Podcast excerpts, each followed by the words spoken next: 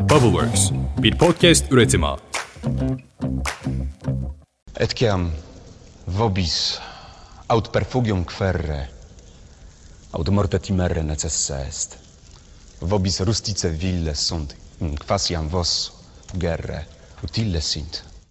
İlk Roma İmparatoru olan Augustus'un damadı, devlet adamı ve mimar Marcus Agrippa'nın aklına bir gün tanrıları ve tanrılarına tapan halkı için bir tapınak yapma fikri düşer. Bu tapınağın hayalini tıpkı şimdi olduğu gibi ancak bir mimar gerçekleştirebilir ve ona büyülü atmosferi kazandırabilirdi. Öyle de oldu. Bugün Roma'da sırtınızı Tiber Nehri'ne verdiğinizde ve arkanıza milattan sonra 1. yüzyılda Roma'nın en ünlü meydanlarından biri olarak yapılan Piazza Novana'yı aldığınızda Pantheon'u bulmanız hiç de zor olmayacaktır. İşte tam da buraya Agrippa tarafından milattan sonra 125 yılında Pantheon yapıldı. Herkese selam Ditopik Düşüncelere hoş geldiniz. Ben Dilara. Yaklaşık iki ay kadar önce bilindik bir haber sitesinde çok sevdiğim bir yapı olan Pantheon'la ilgili bir haber gördüm. Haberin başlığı şöyleydi. Roma yapılarının 2000 yıllık sırrı çözüldü. Bir mimar olduğunuzda yazıyı ekstra bir dikkatli okuyor oluyorsunuz. İşte bu yüzden anında dikkat kesildim. Haberde şöyle yazıyordu. Mühendislikte usta olan Romalılar tarih boyunca antik tiyatrolar, su kemerleri, limanlar, tapınaklar gibi sayısız yapı inşa etti. Bunların birçoğu bugün hala ayakta. Milattan sonra 125 yılında yapılmış olmasına rağmen bugün sağlam olan dünyanın en büyük betonarme kubbelerinden birine sahip Roma Pantheon'da onlar arasında. Bilim insanları tarihe meydan okuyan Roma betonunun dayanıklılığının sırrını 2000 yıl sonra çözdü. Massachusetts Teknoloji Enstitüsü'nden uzmanlar Roma betonunun kendi kendini iyileştirmesini sağlayan ve onun modern eşdeğerinden daha güçlü kılan bileşeniyle ilgili bulgularını paylaştı. Bilim insanları ultra dayanıklı inşaat malzemelerinin sırrını çözmek için onlarca yıl uğraştı. Araştırmacılar yıllarca antik betonun dayanıklılığının anahtarının tek bir bileşen olduğuna inandı. O da Napoli körfezindeki Pozzuoli bölgesinden gelen volkanik kül gibi puzolonik malzemeydi. Haber böyle devam ediyordu. Evet teknik olarak doğru bir haberdi ama bu kadar iddialı bir başlık atıp olayı sadece betonun sırrına bağlamak bana haksızlık gibi geldi biraz. Ve ditopik düşüncelerim devreye girdi. Sırrı çözmek için Roma betonunun kendi kendini iyileştirmesinin altında yatan özellikleri olduğu hissi bence yetersizdi. Bu sırrı çözmek için daha eskilere, başka coğrafyalara, başka kültürlere yol almak gerekiyordu. Haber işte bunu atlamıştı. Bugün sizinle ditopik düşüncelerde bu sırrın eksik tarafını çözeceğiz. Şimdi zaten Roma betonunun namını bilmek için mimar olmak veya teknik açıdan bu alanda uzman olmak bence gerekmiyor. Biraz ilgili olan çoğu kişi artık bu namı biliyor. Ama bence hikayede daha eksik bir şey vardı. Antik yapıların birbirine olan ilginç benzerliği. İşte buradan hareketle bugün sizi antik Roma'ya, antik Yunan'a ve hatta daha da eskilere götüreceğim. Antik Roma mimarisini ve özellikle de Pantheon'u anlamak için antik mimariyi anlamayı bilmeliyiz. Bunun için önce antik Yunan'a Pantheon'un adeta başka bir dönemdeki ikizine Partenon'a gitmeliyiz. İşte buradan da bugünkü konumuza geliyoruz. Bu dünyada bir yerlerde adeta birbirlerinden haberi olmayan, farklı zamanlarda farklı kültürler tarafından yapılmış ama birbirlerine çeşitli bağlamlardan ikizi kadar benzeyen antik yapılar var mıdır? Ve bugün onların sırlarını açıklamak için ikizlerine bakmamız gerekmez midir? İşte o nedenledir ki bir Roma yapısı olan Pantheon'un sırrını çözmek için ona ikizi kadar benzeyen ve ondan yaklaşık 438 yıl önce yapılan Partenon'a gideceğiz ve sonra da dünyada birbirine bu kadar benzeyen başka antik yapılar var mı? Bu sorunun cevabının peşine düşeceğiz.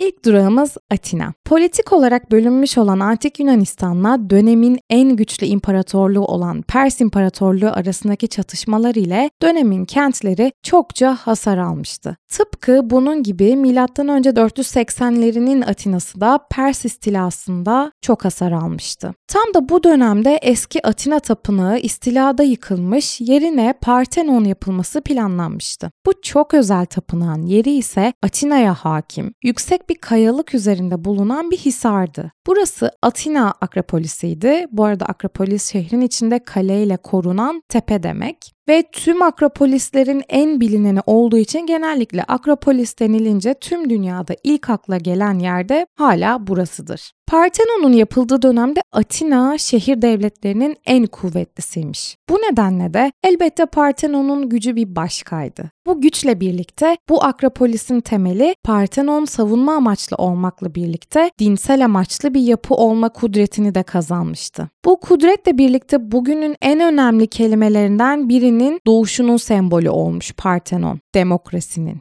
Peki demokrasinin doğuşunun sembolü haline gelen bu yapıyı dünyanın başka başka yerlerinde de görmemiz bir sırrı açıklamıyor muydu bize? Örneğin Washington DC'deki çoğu yapı bu yapıdan referans alınarak yapılmış. Dünyanın ta öteki ucundaki Amerika'nın demokrasi merkezinde olan bu yapılar M.Ö. 5. yüzyılda yapılan Partenon'un ta kendisini sembolize ettiği ideadan geliyordu. Demokrasinin doğuşundan. O zaman bu durum bize şunu açıklamıyor muydu? Farklı dönemlerde, farklı coğrafyalarda yapılan mimari yapılar dönemlerin ideolojilerine de referans olur. İşte mekanın hikayesi ve gücü de budur. Peki döneminin yapılarına göre daha bir mimari rafineliğe ve yüksek klasik mimariye sahip olan Partenon nasıl kendisinden 438 yıl sonra inşa edilen Roma'nın Pantheon'una referans olmuştu? Şimdi öncelikle ikisinin de antik tapınaklar olduğunu artık biliyoruz diye düşünüyorum. Atina'nın Partenon'unun antik Yunan'da ve Yunan mitolojisinde zeka, sanat, strateji, ilham ve barış tanrıçası olan Athena için inşa edildiğini de biliyoruz. Ve bilirsiniz ki Athena'nın babası tanrıların başı Zeus, annesi ise Zeus'un ilk karısı olan hikmet tanrıçası Metis'tir. İşte böyle güçlü bir karaktere ithaf edilmiştir Atina'nın Partenon'u.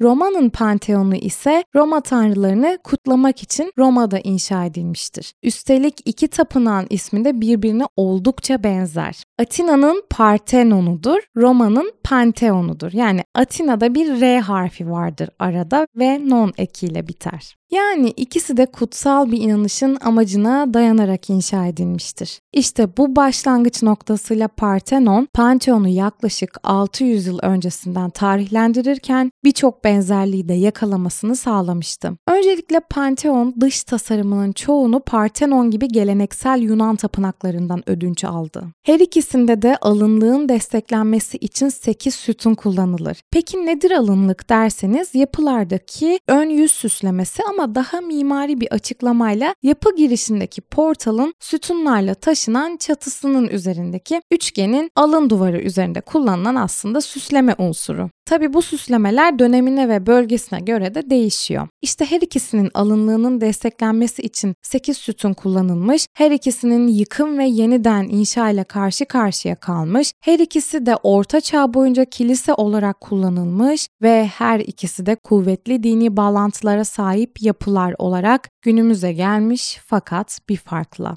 Bu dini bağlantılar Pantheon'u yağmalamaktan kurtarırken Partenon'un birçok kısmı 1700'lerde çalındı. Partenon'u yaparken mimarlar ve sanatçılar bugüne kadar bilinen döneminde bir Yunan tapınağının en rafine ve mükemmel örneğini üretmek için güçlerini birleştirmişlerdi. Ayrıca Partenon bir güç sembolüydü. Neden mi? Çünkü tapınak üzerindeki çalışmalar 432 yılına kadar devam etmişti. Partenon Peloponnesos Savaşı'nın yağmalarından arınmış, Atina emperyal gücünün somut ve göze görülür çiçeklenmesini temsil ediyordu. Aynı şekilde inşasını savunan Atinalı politikacı Perikles'in gücünü ve etkisini de sembolize ediyordu. Bütün bu güç ve inanç sembolleri tabii ki de 438 yıl sonra inşa edilen Roma'nın Pantheon'unun haşmetine referans olacak dünya üzerindeki en güçlü yapıydı. Yani Pantheon'un arkasında dimdik duran bir sır vardı. Antik Yunan'ın inanç, demokrasi ve güç tapınağı Parthenon ve Atina'nın sembolü. Yani Mimar Marcus Agrippa antik Romalıların taptığı tüm tanrıların evi olarak Partenon'u referans alırken aynı zamanda büyük bir sihri yapının temellerine sermişti ve yapıyı inşa etmişti. Böylelikle Roma'nın Panteon'unun ismi de Yunanca'dan geliyordu. Tüm tanrılar anlamına gelen yapının ismine de yansımıştı bu durum. Pan hepsi Theos tanrı yani tüm tanrılar Panteon. Bu size çok basit bir anlatım olarak gelebilir fakat zaten Panteon'un tam anlamıyla hangi amaçla kullanıldığı da belgeleştirilmemiş. Bu yüzden bazı kaynaklar Pantheon'un henüz tanrılaştırılmamış imparatorlara tapınma için var olduğu yönünde ifadelere de sahip. Neden bu farklılığa geçiyor insanlık? Yani Partenon'dan Pantheon farklılığına inançsal açıdan neden geçiyor insanlık? Çünkü zaman akıp giderken insanlığın düşünce ve inanç yapısı da gelişiyor. Bu nedenle de inanç daha mantıklı boyutlar kazanıyor. Tanrıların sembolleşmesi yerini değerli ve güçlü imparatorların değerlileşmesine bırakarak daha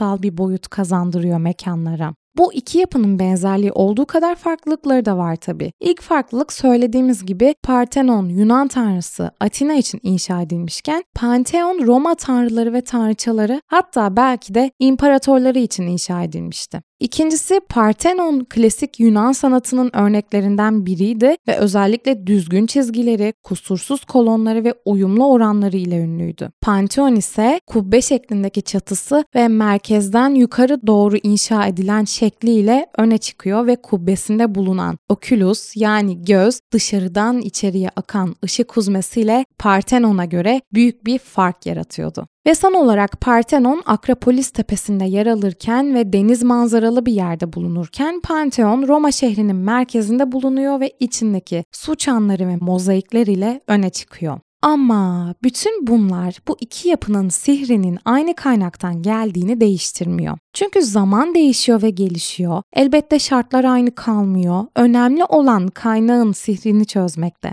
Şimdi Roma yapılarından Pantheon'un 2000 yıllık sırrının sadece betonun ilginç ve güçlü hikayesi olmadığını da çözdüğümüze göre sorumuzun peşinden gitmeye devam edebiliriz. Çünkü bu sırrı çözmek bizi başka benzer yapıların sırrını çözmeye götürecek. Antik yapılar demişken sizi tıpkı Parthenon ile Pantheon gibi birbirlerine ikizi kadar benzeyen başka yapılara götürüyorum. Başka tapınaklara ve uzak coğrafyalara. Fakat tahmin ettiğiniz gibi bir önceki bölümdeki gibi yani Mısır'a Gize piramitlerine değil Kamboçya'ya ve Mayaların doğduğu topraklara Guatemala'ya tekrar gidiyoruz. Mayaları hatırladınız mı? Bir önceki bölüm konuşmuştuk. Hani şu 2012'de dünyanın sonunun geleceğini iddia etmiş o çok gizemli topluluk olan Mayalardan bahsediyorum. 2012 yılı için bazı yanlış hesaplamalar yapmış olacaklar ki dünyanın sonu gelmedi ama başka başka önemli şeyleri buldular ve geliştirdiler. Ayrıca aslında yanlış hesaplamalar yapmadılar. Belki de bizler doğru okuyamadık hesaplamalarını. Yani kim bilir belki 2012 için başka bir tarihi belirtmişlerdi ya da başka bir şeyleri anlatmak istemişlerdi ve modern insanlık anlamamıştı. Aslında şöyle yorumlayanlar da var. Mayalar 2012'de bir devrin bittiğini, başka bir devrin başladığını anlatmak istemişlerdi. Ama insanlık bunu istediği şekilde yorumlamıştı.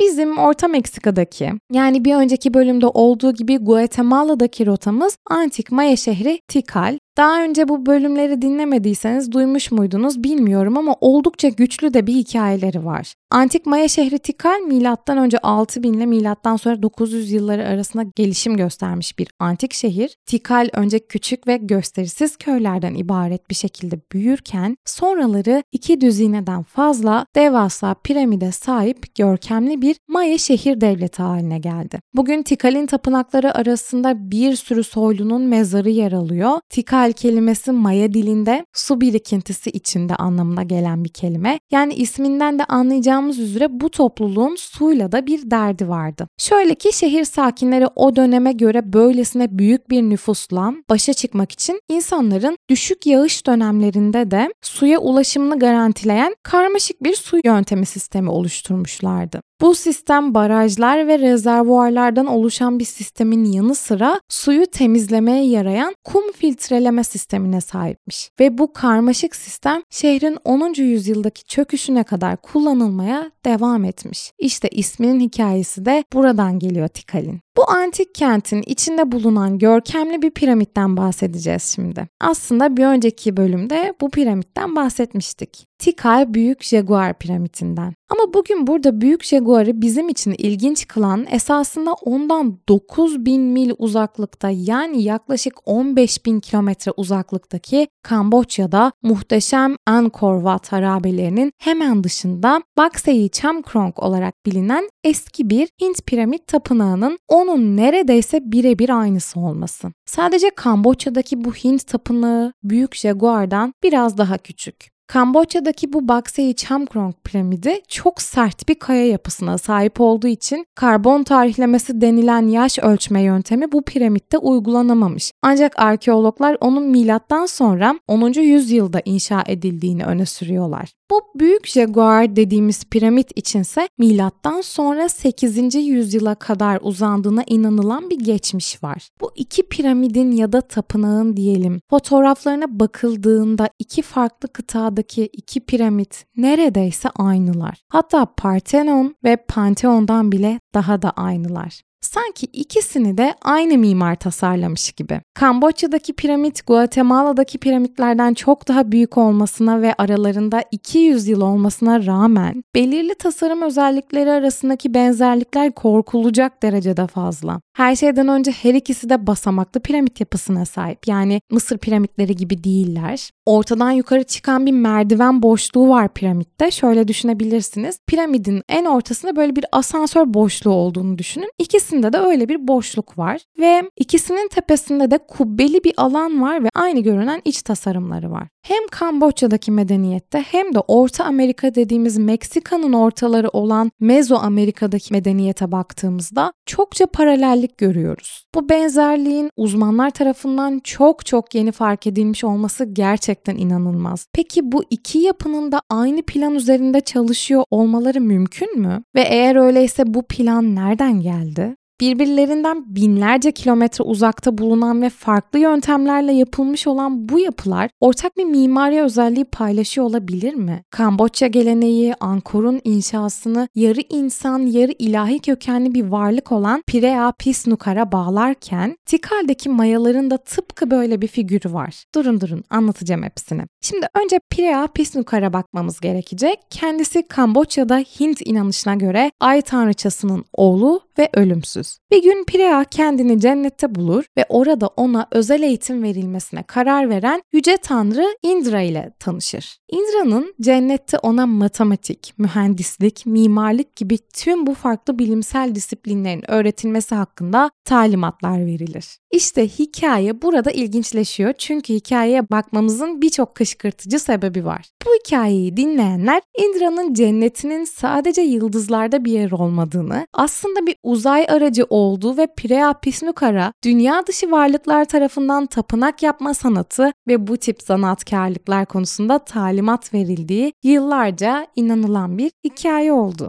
Eski astronot teorisyenlerine göre Maya ve Kamboçya hikayeleri arasında ilginç bir paralellik var. Maya el yazmalarında tapınak mimarisinden Tanrı Kukulkan sorumluydu ve Kukulkan da tıpkı Pirea Pisnukar'a atfedilen aynı öğretilerle insanları matematik, mühendislik ve bilim konularında eğitmekle de tanınırdı. Kukulkan'ın bir yıldızdan geldiğine bile inanılıyormuş. Kukulkan tüylü yılan olarak temsil ediliyordu ve aynı zamanda miğferli büyük bir varlık olduğu da kaynaklarda geçiyor. Hatta mitolojik verilere baktığımızda Kukulkan'ın miğferinin üzerinde ve ışınlar içinde yarı açık bir tür yumurtanın üzerinde oturduğunu görüyoruz. Orta Amerika mitolojisine göre bu öğretmeni temsil ediyordu. Kimilerine göre de bir uzaylıyı. Peki bu iki dünya dışı mimar aynı olabilir miydi? Neredeyse aynı özelliklere sahiplerdi ve ikiz kadar benzer yapıları farklı coğrafyalara farklı zamanlarda yapmışlardı. Ve eğer öyleyse dünyanın başka yerlerinde bir inşaat ustasının olduğuna dair başka kanıtlar var mıydı? Aklımda dönüp duran ditopik düşüncelerimi durduramıyordum. Mesela Partenon'un mimarları Iktinos ve Kallikrates de uzaylı mıydı? Ya da bize Augustus'un damadı, devlet adamı ve mimar olarak tanıtılan Marcus Agrippa'nın Kukulkan'la veya Pirea ile bir benzerliği olabilir miydi? Aa bu arada bu ay Netflix'te bayılarak izlediğim Gang of Earth'ü tam da bu noktada size önermeden geçemeyeceğim. Zira tam da Gang of Earth bölümü oldu Ditopik'te bu hafta. Çünkü Gang of Earth son zamanlarda izlediğim en komik şeylerden biri olabilir. İngiliz komedyen Diana Morgan tarafından sunulan bir mockumentary yani fake belgesel. Tabiri caizse melgesel. İşte bu fake belgeselde Diana Morgan karşısındaki sandalyede oturan uzmanlara dünya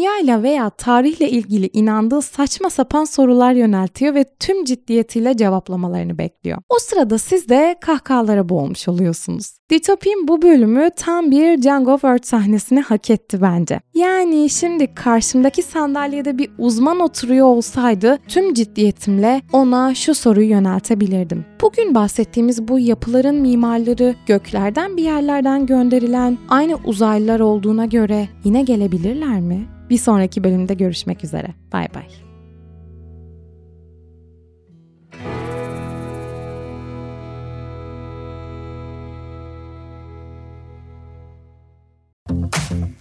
Bubbleworks bir podcast üretimi.